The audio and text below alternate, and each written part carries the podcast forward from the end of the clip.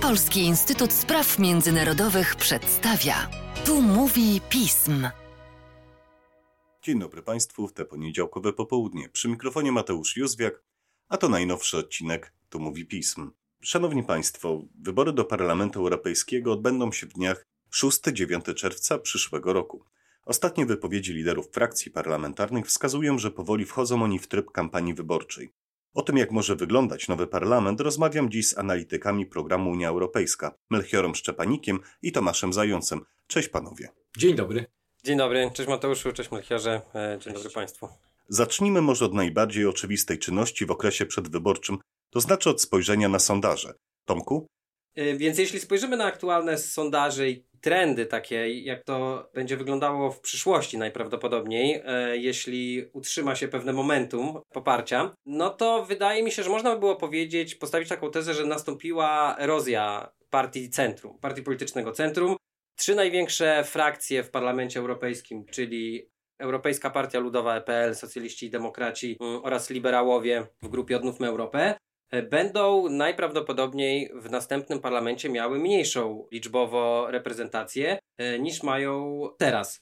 To znaczy, jeżeli byśmy przeliczyli to poparcie sondażowe na mandaty, no to oni mieli, ka każda z partii będzie traciła prawdopodobnie od kilku do kilkunastu mandatów, czyli łącznie będą mieli kilkadziesiąt mandatów mniej niż mają w aktualnej e, kadencji to jest o tyle ciekawe i jakby jest pewnym wyłomem w, w, takim historycznym trendzie, że od 1979 roku, kiedy pierwszy raz odbyły się powszechne wybory do parlamentu, EPL i socjaliści posiadały większość bezwzględną w parlamencie. I taki stan miał miejsce aż do e, tej aktualnej kadencji, do 2019, kiedy po raz pierwszy e, w historii tej instytucji musieli poszukać trzeciego partnera, żeby tę większość bezwzględną mieć i tym właśnie trzecim partnerem zostali liberałowie. No i teraz właśnie w, y, po tych wyborach w 2024 roku ta sytuacja najprawdopodobniej się powtórzy.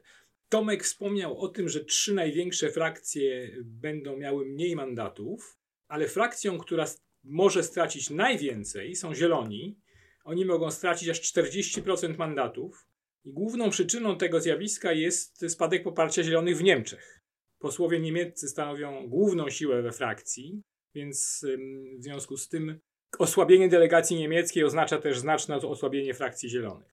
I wreszcie y, słowo o tym, kto może najwięcej zyskać. Otóż y, takim prawdopodobnym, relatywnym oczywiście zwycięzcą będzie frakcja konserwatywna, która może zyskać 16-18 y, mandatów i to będzie oznaczało wzmocnienie o 25%.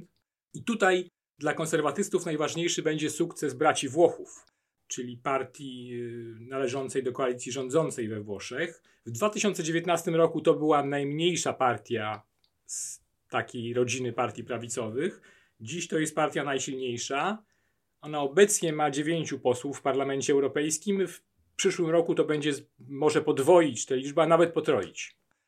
No dobrze, ale czy ewolucja poparcia dla partii, którą opisaliście, oznacza, że można spodziewać się poważniejszych zmian w zakresie równowagi sił w parlamencie i sposobie jego funkcjonowania? To osłabienie centrum, o którym wspominał Tomek, nie ulega wątpliwości, ale ono nie będzie na tyle poważne, żeby zachwiać logiką polityczną, która dominuje w parlamencie. Więc mm, można założyć, że podobnie jak w obecnej kadencji, kluczową rolę będzie odgrywać współpraca między, między trzema frakcjami centrowymi, które są przychylne integracji, a nawet pogłębieniu integracji w, nie, w niektórych kwestiach. Te frakcje centrowe Tomek już wymienił, chadecy, socjaldemokraci, ta frakcja liberalno-centrowa. One co prawda będą miały mniej mandatów, mogą stracić 5-10%, ale wciąż będą kontrolowały bez, bezwzględną większość i dzięki temu no, mogą przede wszystkim wybrać przewodniczącego komisji. W interesie tych trzech frakcji jest budowanie kompromisów wokół aktów prawnych proponowanych przez Komisję, tak żeby parlament mógł zbudować silne stanowisko w negocjacjach z Radą. Ponadto wypada wspomnieć, że przedstawiciele tych trzech rodzin politycznych stanowią też znakomitą większość członków Rady Unii Europejskiej, więc jeśli te frakcje dogadają się między sobą w parlamencie, to istnieje też duże prawdopodobieństwo, że będą w stanie zbudować jakiś kompromis z Radą.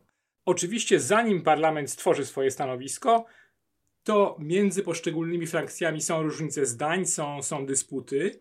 I na tych wcześniejszych etapach procesu legislacyjnego, kiedy dyskutowane i głosowane są poprawki, to często mamy do, do czynienia z takim podziałem lewica-prawica.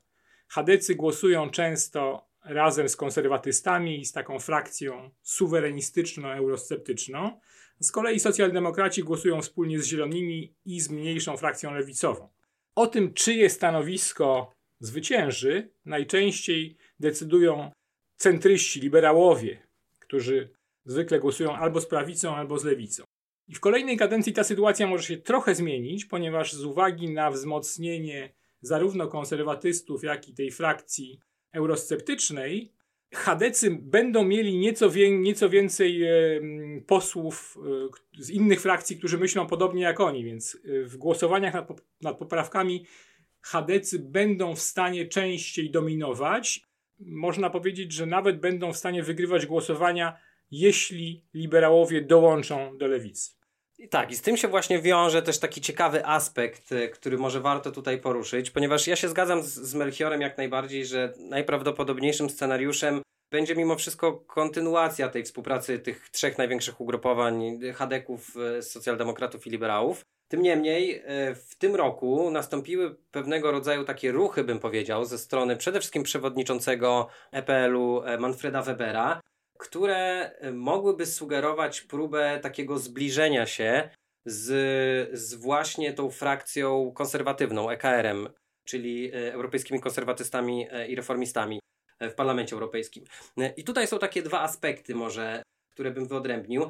Pierwszy to jest właśnie same te rozmowy, które były medialnym tematem, jakoś tam ważnym.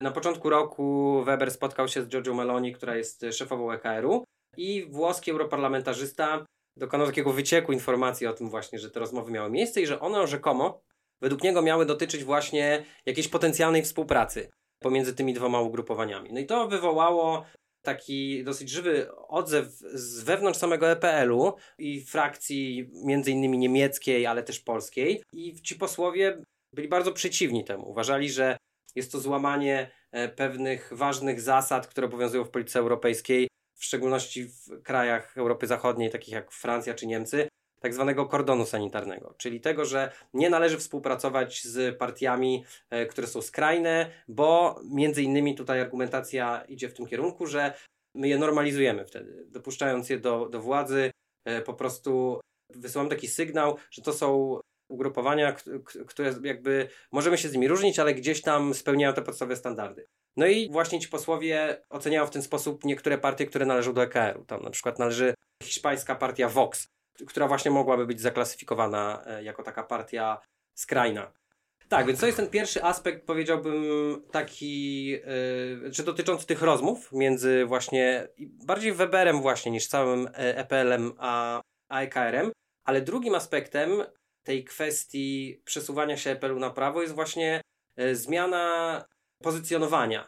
EPL na swoim niedawnym kongresie zapowiadał, że właśnie stanie się taką partią bardziej e, przyjazną. Wysłał takie sygnały, które można było interpretować jako właśnie taką chęć pokazania, że teraz będziemy partią dużo bardziej prorolniczą i też taką bardziej sceptyczną, jeśli chodzi o te e, postanowienia dotyczące e, Zielonego Ładu.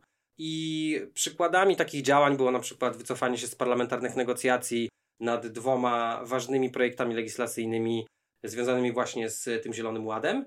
W imię właśnie takiej argumentacji, że no tutaj zgadzamy się z pryncypiami, ale jednak to są nieprzemyślane propozycje, one y, doprowadzą do, będą bardzo niekorzystne dla rolników i że po prostu można to zrobić lepiej. Więc reasumując, nawet jeżeli, bo nie chciałbym, żeby było takie wrażenie, że tutaj tylko omawiamy takie że to są takie spekulacje dotyczące tej parlamentarnej układanki, bo wydaje mi się, że z tego, co się dotychczas wydarzyło, to wynikały jednak jakieś takie bardzo konkretne wnioski w dużej mierze niepokojące. Mianowicie to, że właśnie EPL y, trochę się przesuwa na takie pozycje, yy, może nie sceptyczne, to jest za dużo powiedziane, ale takie starające się ten y, zielony ład troszkę ograniczyć albo bardziej położyć nacisk na to, że te koszty związane z tym zielonym ładem, to one muszą być rozłożone w czasie dużo dłużej i tak dalej. Więc to jest moim zdaniem taki wniosek, który wynika z tych, z tych rozmów, że, że ten EPL właśnie się przesuwa w stronę takiego ugrupowania, które ten Zielony Ład w jakiejś mierze stara się spiłować, że tak powiem. Cóż, w poprzednich wyborach większość frakcji wystawiła kandydata na stanowisko przewodniczącego Komisji Europejskiej. Te osoby były liderami kampanii, odbywały się też debaty między nimi.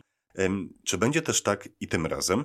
Tak, więc właśnie jest to bardzo ciekawa idea, e, więc pomysł wystawiania kandydata na stanowisko przewodniczącego Komisji Europejskiej to jest e, koncepcja, która została ochrzczona takim e, pojęciem pochodzącym z niemieckiego, mianowicie Spitzenkandidat, czyli kandydat wiodący.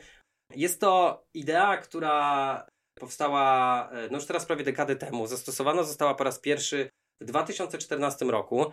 Ten pomysł polega na tym, że ugrupowania polityczne w Parlamencie Europejskim przed wyborami proponują kandydatów na przewodniczących Komisji Europejskiej. Idea jest taka, że taki europejski wyborca, głosując na daną partię, jednocześnie głosuje na tego kandydata. On ma jakby taki bezpośredni wpływ na to, kto tę funkcję bardzo ważną w Unii Europejskiej dostanie.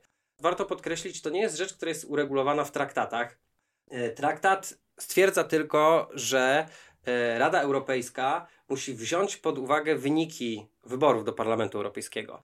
No i opierając się trochę na takiej um, rozszerzającej interpretacji tego artykułu, partie polityczne właśnie tutaj wyszły z taką inicjatywą, że skoro bierze pod uwagę Rada Europejska, to niech bierze w taki sposób, że my przedstawiamy tych kandydatów i to właśnie oni zostają, czy jeden z nich, z tych wybranych kandydatów zostaje tym to przewodniczącą Unii Europejskiej. Tak jak powiedziałem, yy, nastąpił tutaj precedens w 2014 roku, ponieważ rzeczywiście Jean-Claude Juncker, który był takim kandydatem wiodącym, został przewodniczącym e, Komisji Europejskiej.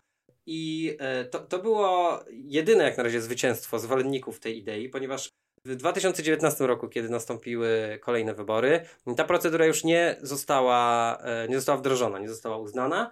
No i teraz zwolennicy tej idei próbują ją niejako wskrzesić. Próbują sprawić, żeby znowu w 2024 roku Rada Europejska e, uhonorowała tych kandydatów, których oni przedstawią. No i tutaj są, jeśli chodzi o perspektywy powodzenia tej koncepcji, no to tutaj są takie dwa aspekty znowu bym wyodrębnił. Pierwszy aspekt to jest aspekt tego, jak podchodzą do tego same partie, a drugi jak to wygląda w perspektywie takiej społecznego odbioru, e, jak do tego podchodzą wyborcy.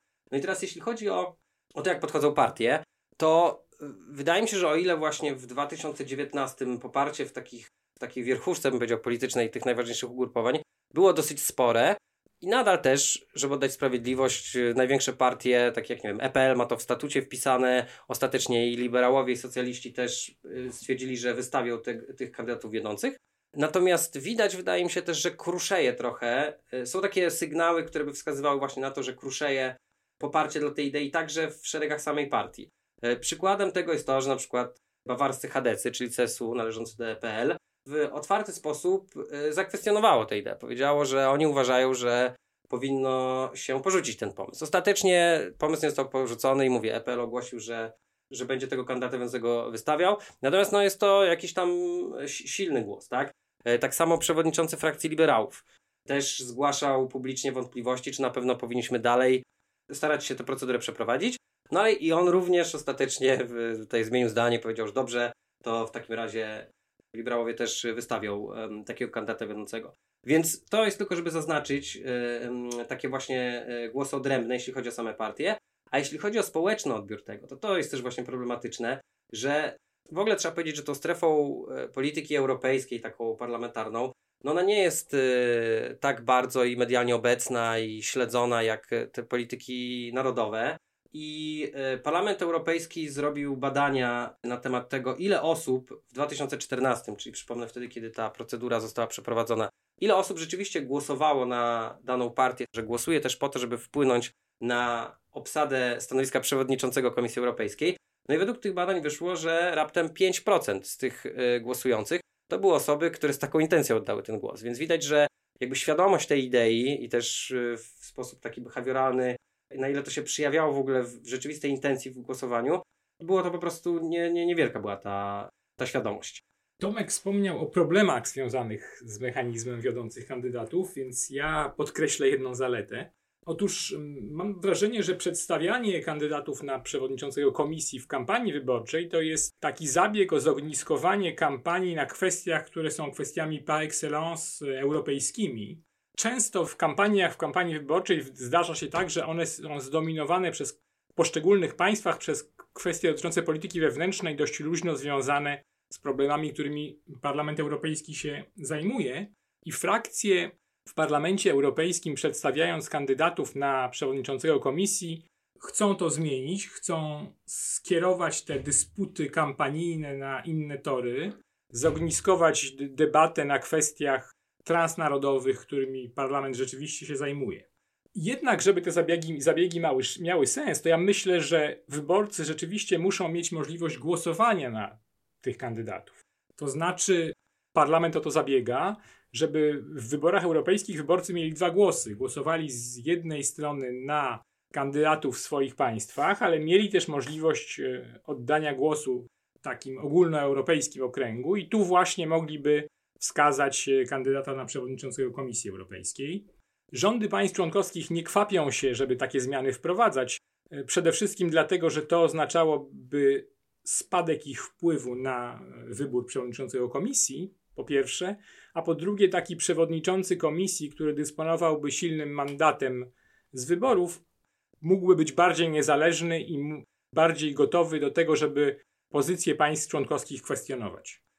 Tomek podkreślił, że w 2019 roku miał miejsce dość ostry spór między rządami państw członkowskich i Parlamentem Europejskim. Liderzy państw członkowskich zdecydowali się wybrać innego kandydata, a właściwie kandydatkę niż, niż ten zestaw, który frakcje parlamentarne przedstawiły. Parlament w pewien sposób został podstawiony pod ścianą i właściwie zmuszony do wyboru Ursuli von der Leyen na przewodniczącą komisji, mimo że nie była ona wiodącą kandydatką. I mam wrażenie, że w przyszłym roku możemy mieć do czynienia z pewnym paradoksalnym rozwiązaniem tej sytuacji. Otóż, jeżeli Ursula von der Leyen zdecyduje się ubiegać o kolejną kadencję w roli przewodniczącej komisji, to jest bardzo prawdopodobne, że Chadecy wybiorą ją jako wiodącą kandydatkę i to rozwiązywałoby ten spór między, między Radą i Parlamentem, bo mam wrażenie, że Ursula von der Leyen mogłaby liczyć zarówno na większość e, w Radzie, jak i w Parlamencie i uniknęlibyśmy tego sporu o, o, o to, kto będzie, kto będzie prowadził Komisję Europejską. Tak, natomiast jeżeli mogę tutaj dodać do tego, co powiedział Melchior, że mi osobiście wydaje się to jednak no, zaprzeczeniem tej idei kandydatów wiodących, no bo jakby dla mnie y, idea jest taka, że ludzie głosują na pewne partie polityczne i mają takie poczucie wpływu i w konsekwencji nasz kandydat zostaje przewodniczącym komisji. I teraz jakby w jaki sposób ta idea się realizuje, jeżeli kandydat, który zostanie przedstawiony, to jest kandydat, który został niejako już dogadany po prostu przez wszystkich, tak? Von der Leyen jako kandydatka wiodąca, która jest już ustalona w jakimś sensie przed wyborami, że dostanie tą, tą zgodę, znaczy, że wszystkie państwa wyrażał zgodę na to, żeby ona właśnie została tą przewodniczącą Komisji Europejskiej, to mi się kojarzy z tym takim cytatem o piłce nożnej, że, że, piłka nożna to jest taka gra, w której 22 facetów biega za piłką, a na końcu i tak wygrywają Niemcy. Więc y, no to jest trochę taka sytuacja, tak, że tam wy sobie ustawiacie tych kandydatów wiodących, a my i tak wiemy, że, że ta, którą żeśmy wybrali, to ona zostanie. Więc jest to dla mnie zaprzeczenie tej idei w tym sensie, że jeżeli jakby przedstawiamy ludziom do wyboru kandydata, który i tak jest już dogadany, poziom wyżej i mówimy, to tylko go teraz wy wyborcy, prawda, kolokwialnie rzecz ujmując, klepnijcie i wtedy wszyscy będziemy zadowoleni, no to, no to jest zaprzeczenie, tak? Idea jest taka, że w taki może trochę przesadzony sposób bym powiedział, że ten Parlament Euro Europejski w cudzysłowie narzuca tego kandydata, że Rada Europejska powinna w jakimś sensie uszanować to, że zobaczcie, tutaj ludzie, to jest ten ten słynny, słynna kwestia deficytu demokratycznego Unii Europejskiej, też kontrowersyjna, czy on jest, czy, on, czy go nie ma. Natomiast y, y, też mówi się dużo o tym, jak percepcja społeczna działania Unii Europejskiej y, jest taka, że, że, że to są biurokraci, że oni są narzuceni po prostu w teczkach przy, przywiezieni i tak dalej. Więc też y, ja tak rozumiem ideę tych kandydatów wiodących, to ma trochę zaradzić temu, że tutaj ludzie mają mieć poczucie wpływu. No i teraz w momencie, kiedy przedstawiamy, że Rada Europejska już się zgodziła i przy, przy, przywódcy państw się zgodzili na jakąś na jakąś osobę i my teraz ją wam przedstawiamy tylko po to, żebyście wy, bo też nie mają wyboru, y, nie ma wpływu wyborcy na to, żeby, żeby wybrać tę te, te kandydatkę tego kandydata wiodącego, no to tak jak mówię, jest, jest to dla mnie y, kontrowersyjne. Nasz podcast powoli zmierza ku końcowi, w związku z tym warto zapytać o ostatnią rzecz. Poruszyliście bowiem problem ograniczonego zainteresowania obywateli na kwestie obsady stanowiska przewodniczącego Komisji Europejskiej. E, ta niska frekwencja jest dużym problemem wyborów europejskich od co najmniej 2004 roku. Jak będzie tym razem? E, czy obywatele są zainteresowani wyborami? O czym chcieliby rozmawiać w czasie kampanii? Eurobarometr przeprowadził w marcu sondaż na ten temat. 56% y, respondentów y, twierdzi, że są albo bardzo, albo trochę zainteresowani wyborami europejskimi. To może nie jest odsetek bardzo imponujący, ale jednak o 6 punktów procentowych wyższy niż w roku 2018, czyli na rok przed poprzednimi wyborami. To jest dość pozytywny znak. I wydaje mi się, że wypada jeszcze podkreślić spore różnice między państwami członkowskimi. Otóż e, największe zainteresowanie jest w państwach Europy Północnej, w, w Holandii, w Irlandii, w Niemczech i w państwach nordyckich. Najgorzej, jeśli chodzi o zainteresowanie wyborami, jest w Bułgarii, Czechach, Słowacji, a także we Francji. I widać tu pewną korelację między zainteresowaniem wyborami a opinią na temat kondycji, w jakiej znajduje się Unia Europejska. I to właśnie w krajach, które, których obywatele najgorzej oceniają Unię Europejską, czyli we Francji, w Grecji, we wspomnianej już Słowacji, w Czechach. Tam też y, zainteresowanie wyborami jest najmniejsze i to jest, i to jest zły znak, bo to pokazuje trochę taką utratę nadziei wśród obywateli, że poprzez udział w wyborach mo można coś zmienić. Szanowni Państwo, o tym, czy wybory, o których mówimy, faktycznie będą dawały jakikolwiek wybór, przekonamy się już w przyszłym roku, a do tego czasu z pewnością będziemy mieli okazję nie raz, nie dwa porozmawiać jeszcze z naszymi analitykami, Tomkiem oraz Melchiorem. Tymczasem jednak bardzo chciałbym podziękować Wam panowie za dzisiejsze nagranie. Dziękuję. Dzięki. A Państwa zaś zachęcam do śledzenia naszej strony internetowej, czytania najnowszych biuletynów i komentarzy, śledzenia mediów społecznościowych, także naszego kanału na YouTubie. I cóż, z mojej strony to wszystko. Dziękuję Państwu za uwagę i do usłyszenia jeszcze kilka razy w tym tygodniu.